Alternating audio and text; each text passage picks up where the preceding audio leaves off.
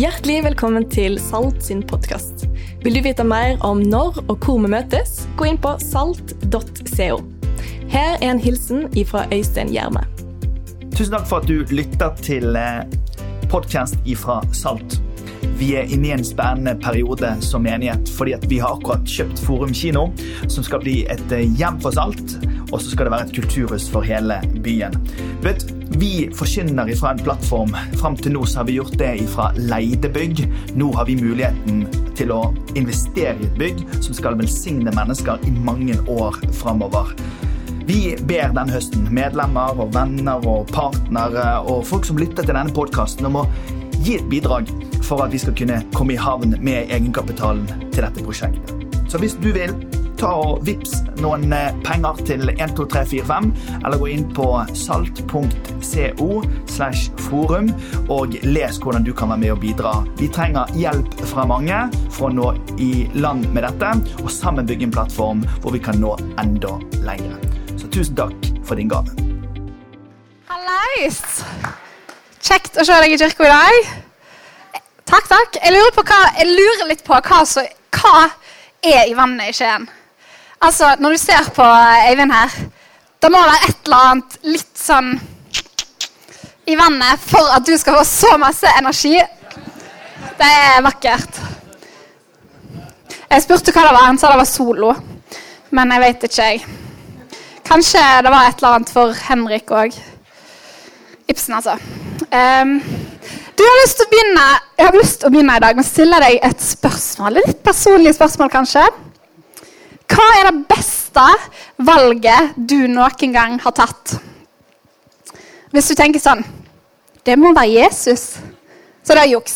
Så bortsett fra Jesus, hvis du har valgt Jesus i livet ditt, hva er det beste valget du har tatt? Kanskje vil du si sånn Det er du som er det beste valget jeg har tatt. Kanskje tenker du mer sånn noe knytta til et studie. Da du valgte det studiet, var faktisk veldig smart. Eller kanskje valget om å flytte til Bergen.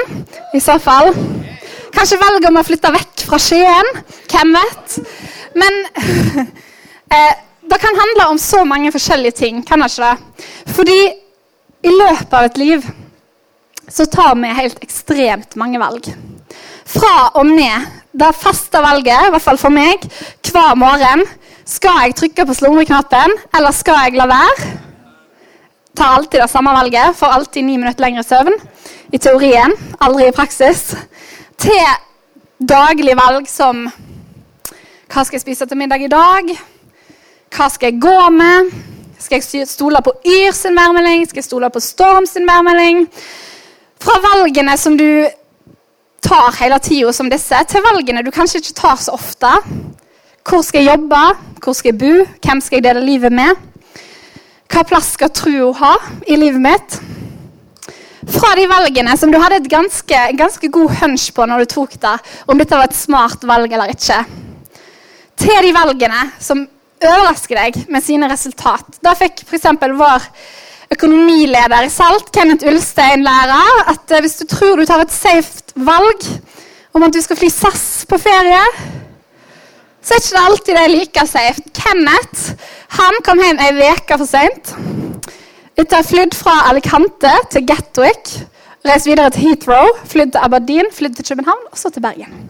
Så sånn kan det gå når du tror du tar et godt valg. Når du googler 'det beste valget jeg har tatt', så får du opp ganske masse forskjellig. Å gå elektrofag er det beste valget jeg har tatt. Å være feminist er det beste valget jeg har tatt i mitt liv. Var ingen som sa amen? Ok, bra. Å stenge nettbutikken for forhåndsbestillinger må være det beste valget jeg har tatt. Ja vel. The best decision I have ever made was marrying a Colombian. Amen.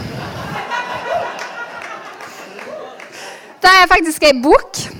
Den kan jo du kanskje få inn i din neste bestilling, Eivind. Eller hvis du googler motsatt vei det verste valget Å bli voksen er det verste valget jeg noen gang har tatt. Vi kan kanskje alle kjenne oss igjen den følelsen av og til. I hvert fall kan jeg det. Når du står der med regninga og Neida. Men valg er en veldig veldig stor del av livet vårt. Og i dag skal vi snakke litt om de. Vi skal snakke litt om å leve liv, kristenliv som istandsetter oss til å ta gode valg. For valgene kommer nemlig ikke av seg sjøl. I denne boka her, Bibelen, så er det en bok som heter Hebreerne. Som jeg er veldig glad i. Og I kapittel 11 av denne boka så står det om masse mennesker. Mennesker som har tatt ganske mange gode valg. Sannsynligvis noen dårlige òg. Men i hvert fall valgte til slutt å leve livene sine sammen med Gud. Og De står der som forbilde i trua for oss andre. De inspirerer oss om hvordan vi kan leve livet vårt. Og rett etter dette kapittelet, de har lest om disse, i Hebreerne 12, vers 1-3, så står dagens hovedtekst. Derfor, når vi har så stor en sky av vitner omkring oss, så la oss legge av oss alt som tynger, og synden som så lett fanger oss inn. Og med utholdenhet fullføre det løpet som ligger foran oss.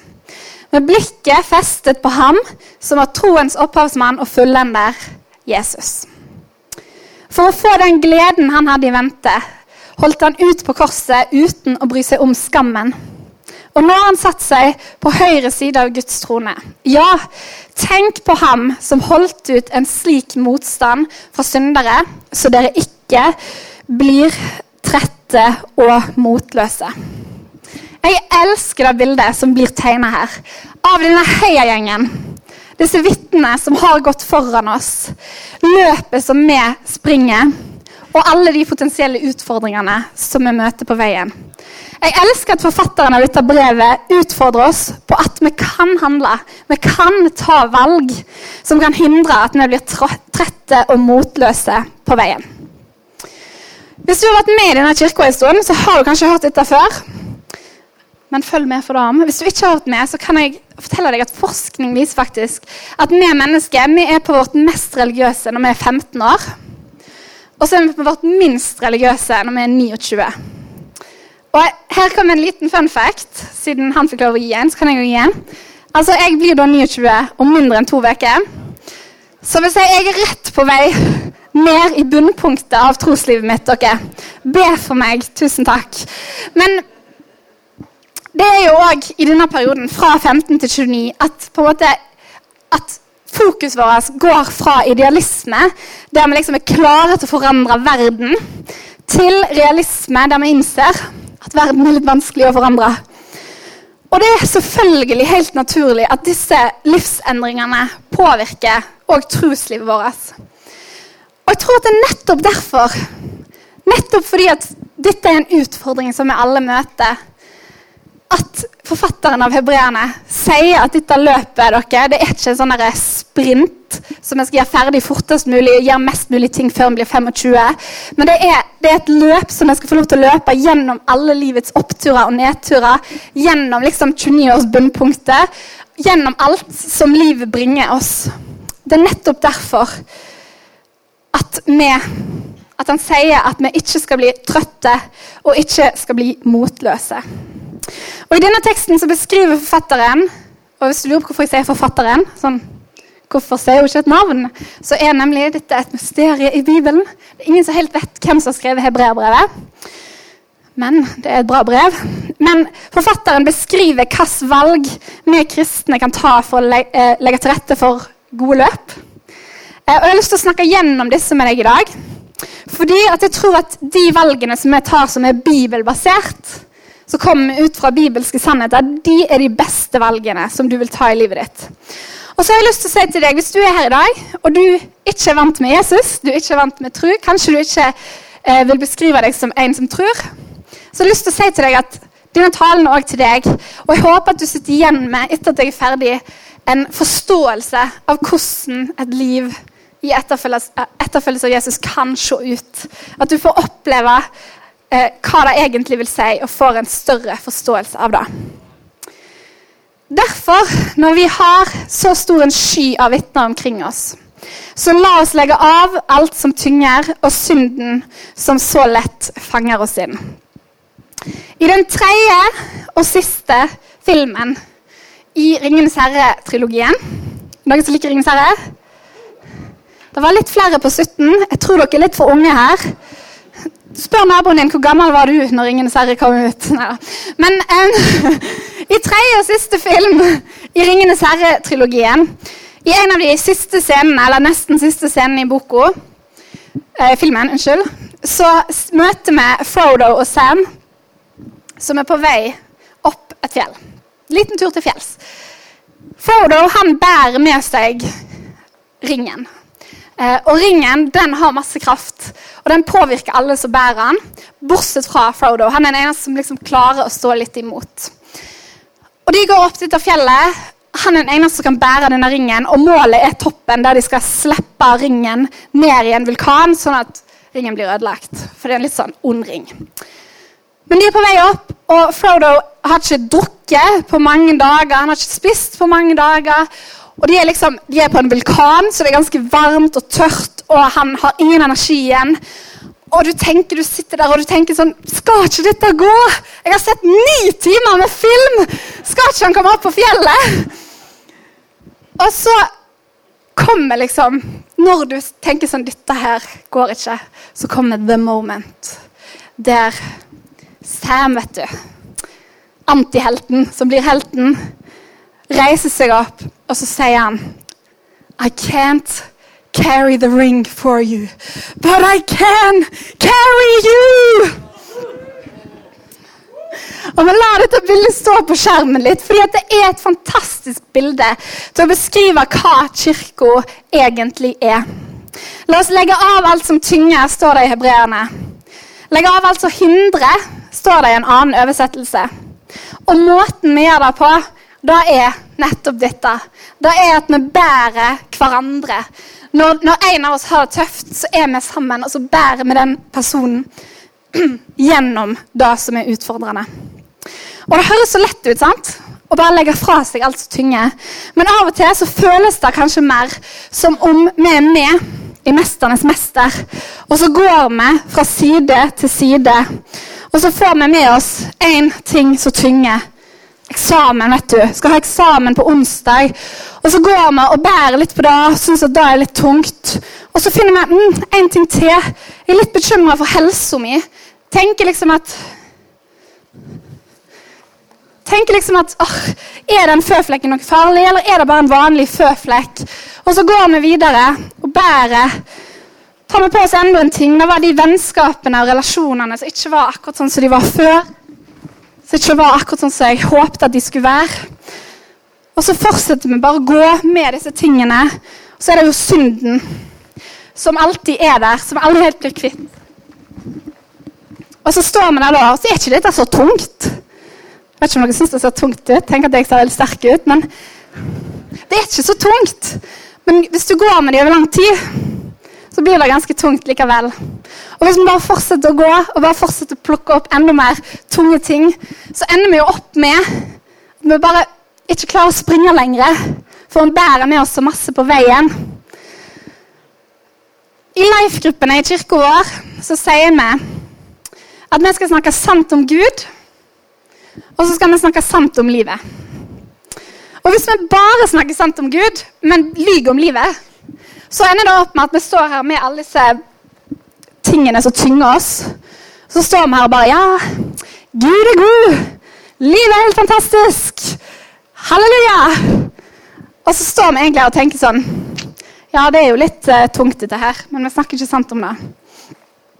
Og hvis vi bare snakker sant om livet, og ikke snakker sant om Gud, så ender vi jo opp med å liksom Åh, det er litt kjipt, dette her. Så gjør vi ingenting med det. Så skjer det ingenting.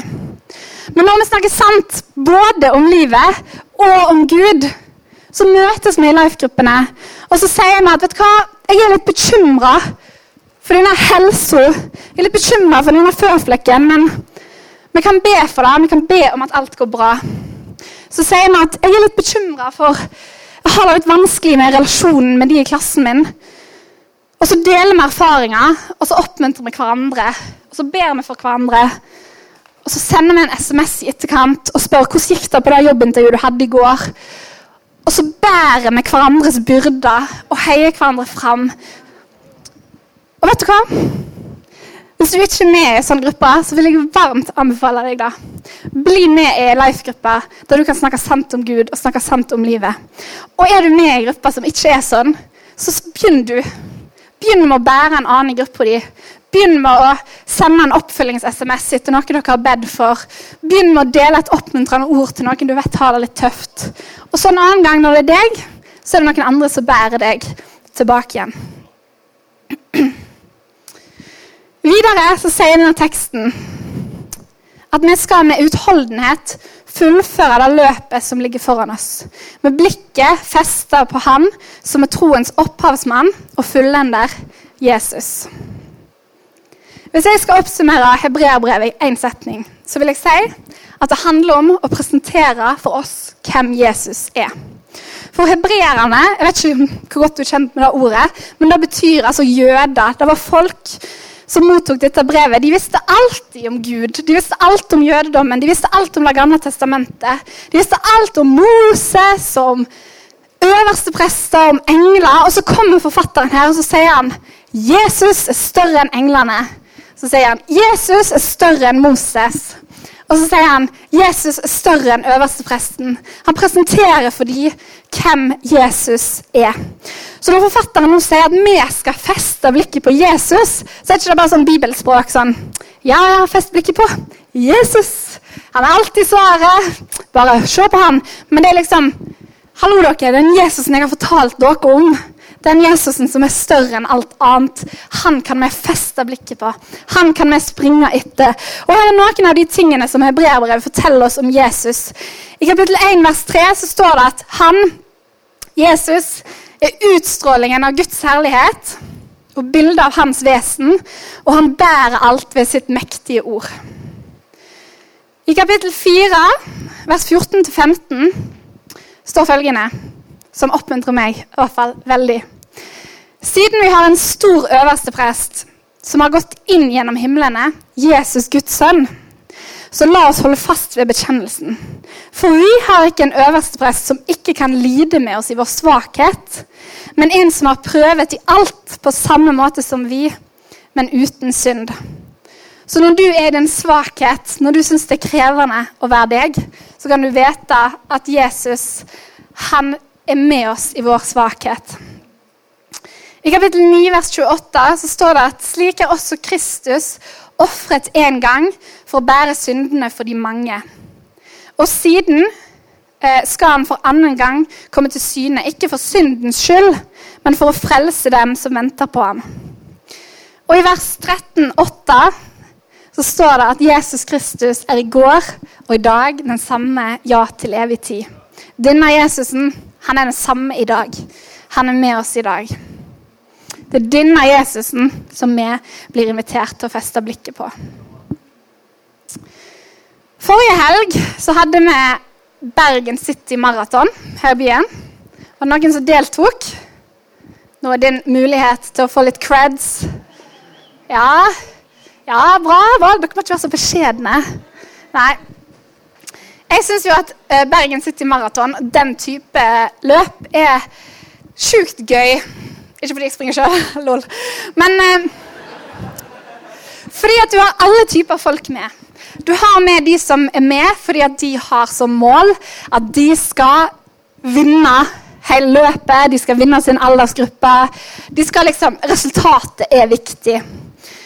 Så har du de som er med fordi de skal perse. Altså, de konkurrerer med seg sjøl. Litt lettere.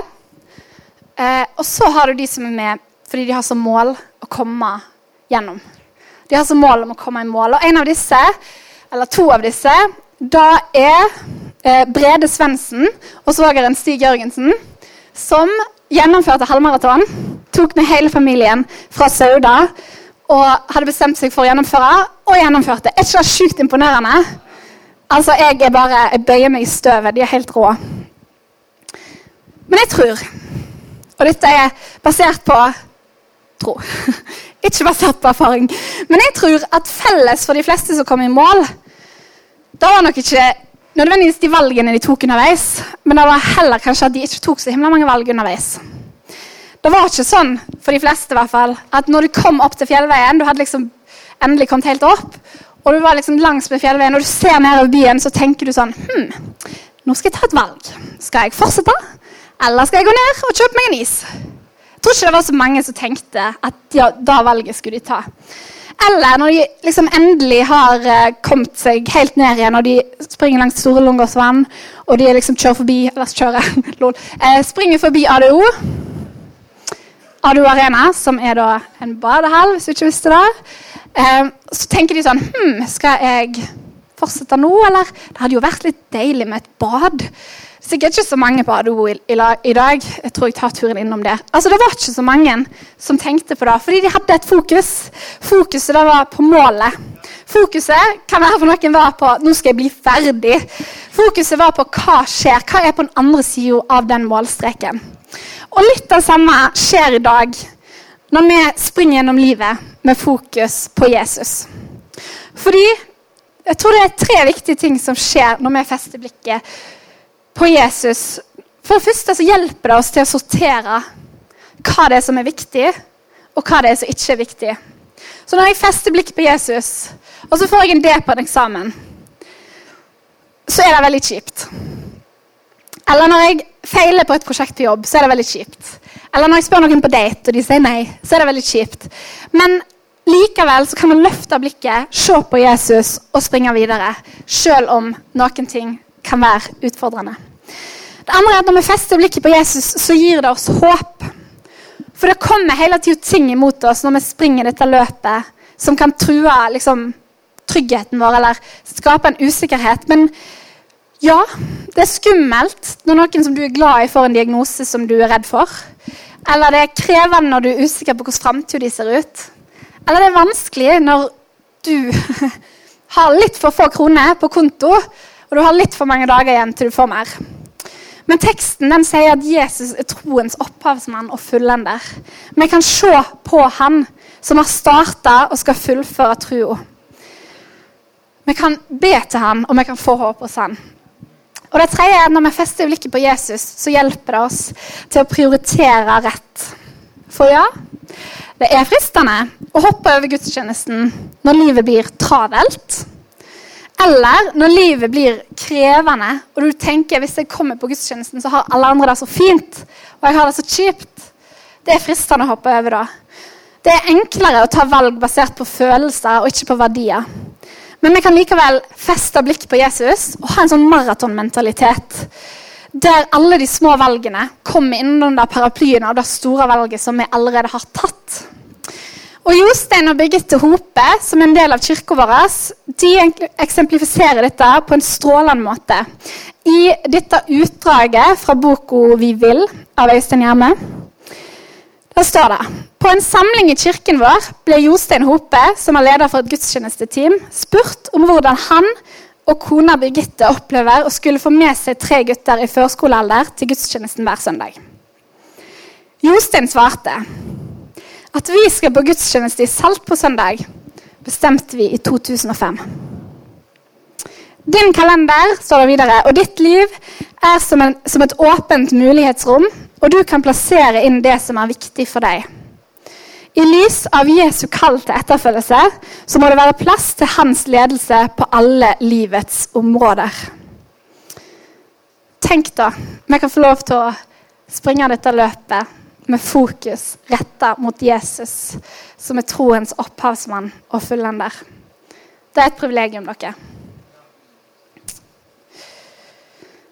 Videre i teksten så står det for å få den gleden han hadde i vente, Jesus altså, holdt han ut på korset uten å bry seg om skammen.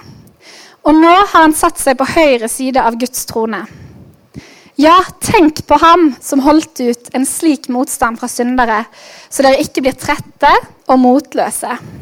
Jesus var jo virkelig Han eksemplifiserte dette veldig bra da at liksom han satte fokus på målet, og så lot han alt annet komme inn under det. Men det er jo en forskjell på Jesus og på meg. Det er sannsynligvis en ganske stor forskjell på Jesus og på deg òg. Fordi, for han var det jo superlett Eller det var jo ikke da, det var jo vanskelig. Men i forhold til meg så var det superlett for han å skulle leve livet med det liksom, langtidsperspektivet. For Jesus han visste jo hva som kom. Altså, Han visste at han skulle dø, han visste at det skulle komme motstand. Han visste alt som skulle skje. Mens meg og deg, vi, vi har jo håp, og vi har kanskje en plan og vi har kanskje en tanke om hvor vi er om ti år. Men sannheten er at ingen av oss vet. Vi vet jo ikke engang hvordan livet vårt ser ut om ei uke. Vi vet jo ikke hva som kan skje. Men vi går jo litt inn i det usikre. Og jeg syns nesten at det er litt urettferdig tanke å sammenligne meg med Jesus og liksom ha han som forbilde og tenke på han som holdt ut en slik motstand. Fordi at det er ganske annerledes. Men den danske filosofen Søren Kirkegård har et sitat som snakker litt om dette, og som jeg elsker, og som jeg lever litt etter. Og Han sier at livet kan bare forstås baklengs, men det må leves forlengs. Altså Det er først når vi ser tilbake igjen på livet, at vi skjønner hva det var som egentlig skjedde. Fordi at, og Grunnen til at jeg elsker dette, er at jeg virkelig har opplevd det i mitt liv. Da. Jeg opplevde det som føltes som veldig små valg, som føltes som veldig sånn tilfeldig, tilfeldige valg, har virkelig forandra livet mitt. Har virkelig gjort og prega og gjort meg til den personen jeg er i dag. Og når jeg, når jeg når jeg var i det øyeblikket, så følte jeg at ok, jeg har ikke peiling som er på den andre siden av dette. Men når jeg ser tilbake igjen, så ser jeg at Jesus han var der, og han var med meg i alt. Og en så bitte liten ting, eller det føltes, føltes, føltes kanskje ikke lite da, men en så eh, vanlig ting da, som at jeg valgte å gå på allmenn påbygg. Som dere bare, hva betyr det? Studie. Sånn studie, sånn tredjeårsstudie når du ikke har tatt Ja, nå følte jeg meg gammel. Men at jeg valgte å ikke fortsette på den linja jeg gikk, men å heller ta et sånn påbyggår, tre år på videregående, gjorde at jeg møtte noen personer som virkelig utvikla min tro. Som virkelig gjorde at jeg vokste, som virkelig gjorde at jeg fikk oppleve ei åndelig side til troa som jeg aldri hadde opplevd før da. Vi må leve livet forlengs, men vi forstår det når vi ser baklengs. Og vi kan stole på at Jesus er med oss i alle de situasjonene. Så nå har vi snakket litt om gode valg. La oss snakke litt om dårlige valg. For i en av mine favoritthistorier i Bibelen da er historien om Peter etter Jesu død. Peter, Hvis du kjenner til historien, så vet du at Peter han var på en måte, han var jo en av lederne i, i disippelgjengen til Jesus. Han var liksom den som alltid snakket, alltid stilte spørsmål, alltid gikk først, alltid ville vite alt. Men når det virkelig sto på, og når Jesus eh, ble korsfesta, når han ble arrestert, så var liksom Peter Han ble redd, og han stakk.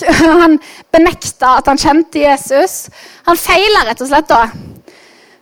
Og denne historien som jeg skal til nå, den skjer etter at Jesus har stått opp igjen fra graven, og Peter har fått med seg dette. Eh, men jeg tror likevel at Peter egentlig kanskje var litt eh, lei seg for det. Han var liksom Yeah, Jesus har stått opp igjen. Eh, men jeg feila. Jeg har feila Jesus. Han trodde kanskje at Jesus, alt Jesus sa, skulle skje, men så trodde han kanskje at han var skrevet ut av historien. Tror jeg. Og så skjer det noe som vi skal lese i Johannes 21, vers 1-4. Siden åpenbarte Jesus seg enda en gang for disiplene ved Tiberiassjøen. Det gikk slik til. Simon Peter, Thomas som ble kalt Tvillingen, Nathanael fra Kana Galilea, Sevedeus-sønnene og to andre av disiplene hans var sammen der. Simon Peter sier til de andre, 'Jeg drar ut og fisker.' 'Vi blir også med', sa de. De gikk av sted og steg i båten, men den natten fikk de ingenting. Da morgenen kom, sto Jesus på stranden, men disiplene visste ikke at det var han. Og hvis du, som meg, noen gang har tatt dårlige valg i troslivet ditt, eller i livet, så kan du vite to ting. For det første, Jesus han står og venter på deg. Og han står òg og venter på deg de gangene du ikke kjenner han igjen. De gangene du ikke ser han. Og mange taler har blitt talt om hva Jesus gjør med Peter etterpå. Og denne talen er ikke en av de. Men det jeg kan si kort, er at Jesus gjenoppretter Peter. Og han sier, 'Peter, jeg gir deg ansvar for mitt folk.' Men det andre som skjer her, det er at Peter sier til disippelvennene sine at jeg går ut og fisker. Han sier ikke sånn Hei, alle sammen. Noen som vil være med ut og fiske, eller? Men han sier Peter, som er liksom ekstrovert nummer én i hele Bibelen, han sier jeg går ut og fisker. Og jeg kan tenke meg at Peter liksom var litt sånn Han var med han var med en drøss med folk som han sikkert følte var bedre kristne enn han. Eh, han var der, og han tenkte sånn Åh, jeg orker ikke å være med alle disse perfekte kristne lenger. Jeg går ut og fisker. Jeg kan tenke meg at det var litt sånn. Men dette er ikke teologisk liksom, grunnlag. Men, men jeg kan, hvis jeg skal lære meg inn i det, så kan jeg tenke meg at det var litt sånn. Og hva gjør da disiplene? Jo, de sier Vi blir også med. De sier ikke sånn OK, kos deg, han trenger sikkert litt tid for seg sjøl, stakkars. De sier sånn OK, jeg ser at Peter har det litt tøft. Han vil, han vil ut og fiske. Vi blir òg med. Vi vil være der for han. Vi vil backe han. Så det andre jeg vil at du skal ha med deg, er at du har et fellesskap og ei kirke som tar imot deg uansett. Uansett hvilket valg du har tatt, uansett hvor dumt det var, uansett hvor masse du angrer, eller hvor lite du angrer, eller hva du føler, så har du et kirke og et fellesskap som tar imot deg. Skal, jeg drømmer om at vi skal være en sånn kirke som sier vi blir også med. Vi blir òg med. Jeg ser at du har det litt tøft. Jeg ser at du sliter litt. Men jeg, blir med deg, jeg, så kan vi snakke om det. Tenk da hvis dette hadde vært ei sånn kirke av folk som òg hadde blitt med. Og jeg har lyst til å si til deg om du har tatt et dårlig valg i ditt trosliv, om du har tatt et valg som førte deg lenger vekk fra Jesus, så er du sannsynligvis en av 100% her i dette rommet. For vi har alle tatt dårlige valg. Men det som er, det så kjipt, er hvis du lar da valget i ditt hode diskvalifisere deg fra å ta gode valg. Hvis du tenker at fordi jeg har tatt et dårlig valg en gang, så er det sånne type valg jeg tar. Nei, hvis du har tatt et dårlig valg i går, så kan du ta et godt valg i dag. Skal vi reise oss opp sammen? La oss, la oss dere springe dette trosløpet sammen. La oss kaste fra oss alt det som hindrer oss, alt det som tynger oss. Og la oss feste blikket på Jesus og ha han som forbilde. Jeg har lyst til å be en bønn. Herre Jesus, jeg takker deg for at du er en sånn Gud som involverer deg i livene våre. At du er en sånn Gud som har virkelig eh, bare lagd en vei som jeg kan få lov til å springe på. At du er en Gud som har gått foran oss, sånn at vi kan få lov til å feste blikket på deg. Jesus, jeg ber for enhver person i dette rommet om at vi skal være sånne folk som lar valgene våre komme ut ifra sannheten om deg. Vi skal få være sånne folk som får lov til å eh, gå sammen med deg. Og så ber jeg Jesus, hvis det er noen her i rommet i dag som kjenner at, eh, at valgene deres eh, som de har tatt før, kjenner at det preger deres trosliv, om det har vært litt dårlig valg, Jesus, så bare ber jeg om at du skal gjøre igjen sånn som du gjorde med Peter. Igjen bare gjenopprette hver og en av oss. Hjelpe oss til å forstå hvem vi er i deg at det er basert på hva du har gjort, og ikke hva vi har gjort. I Jesu navn.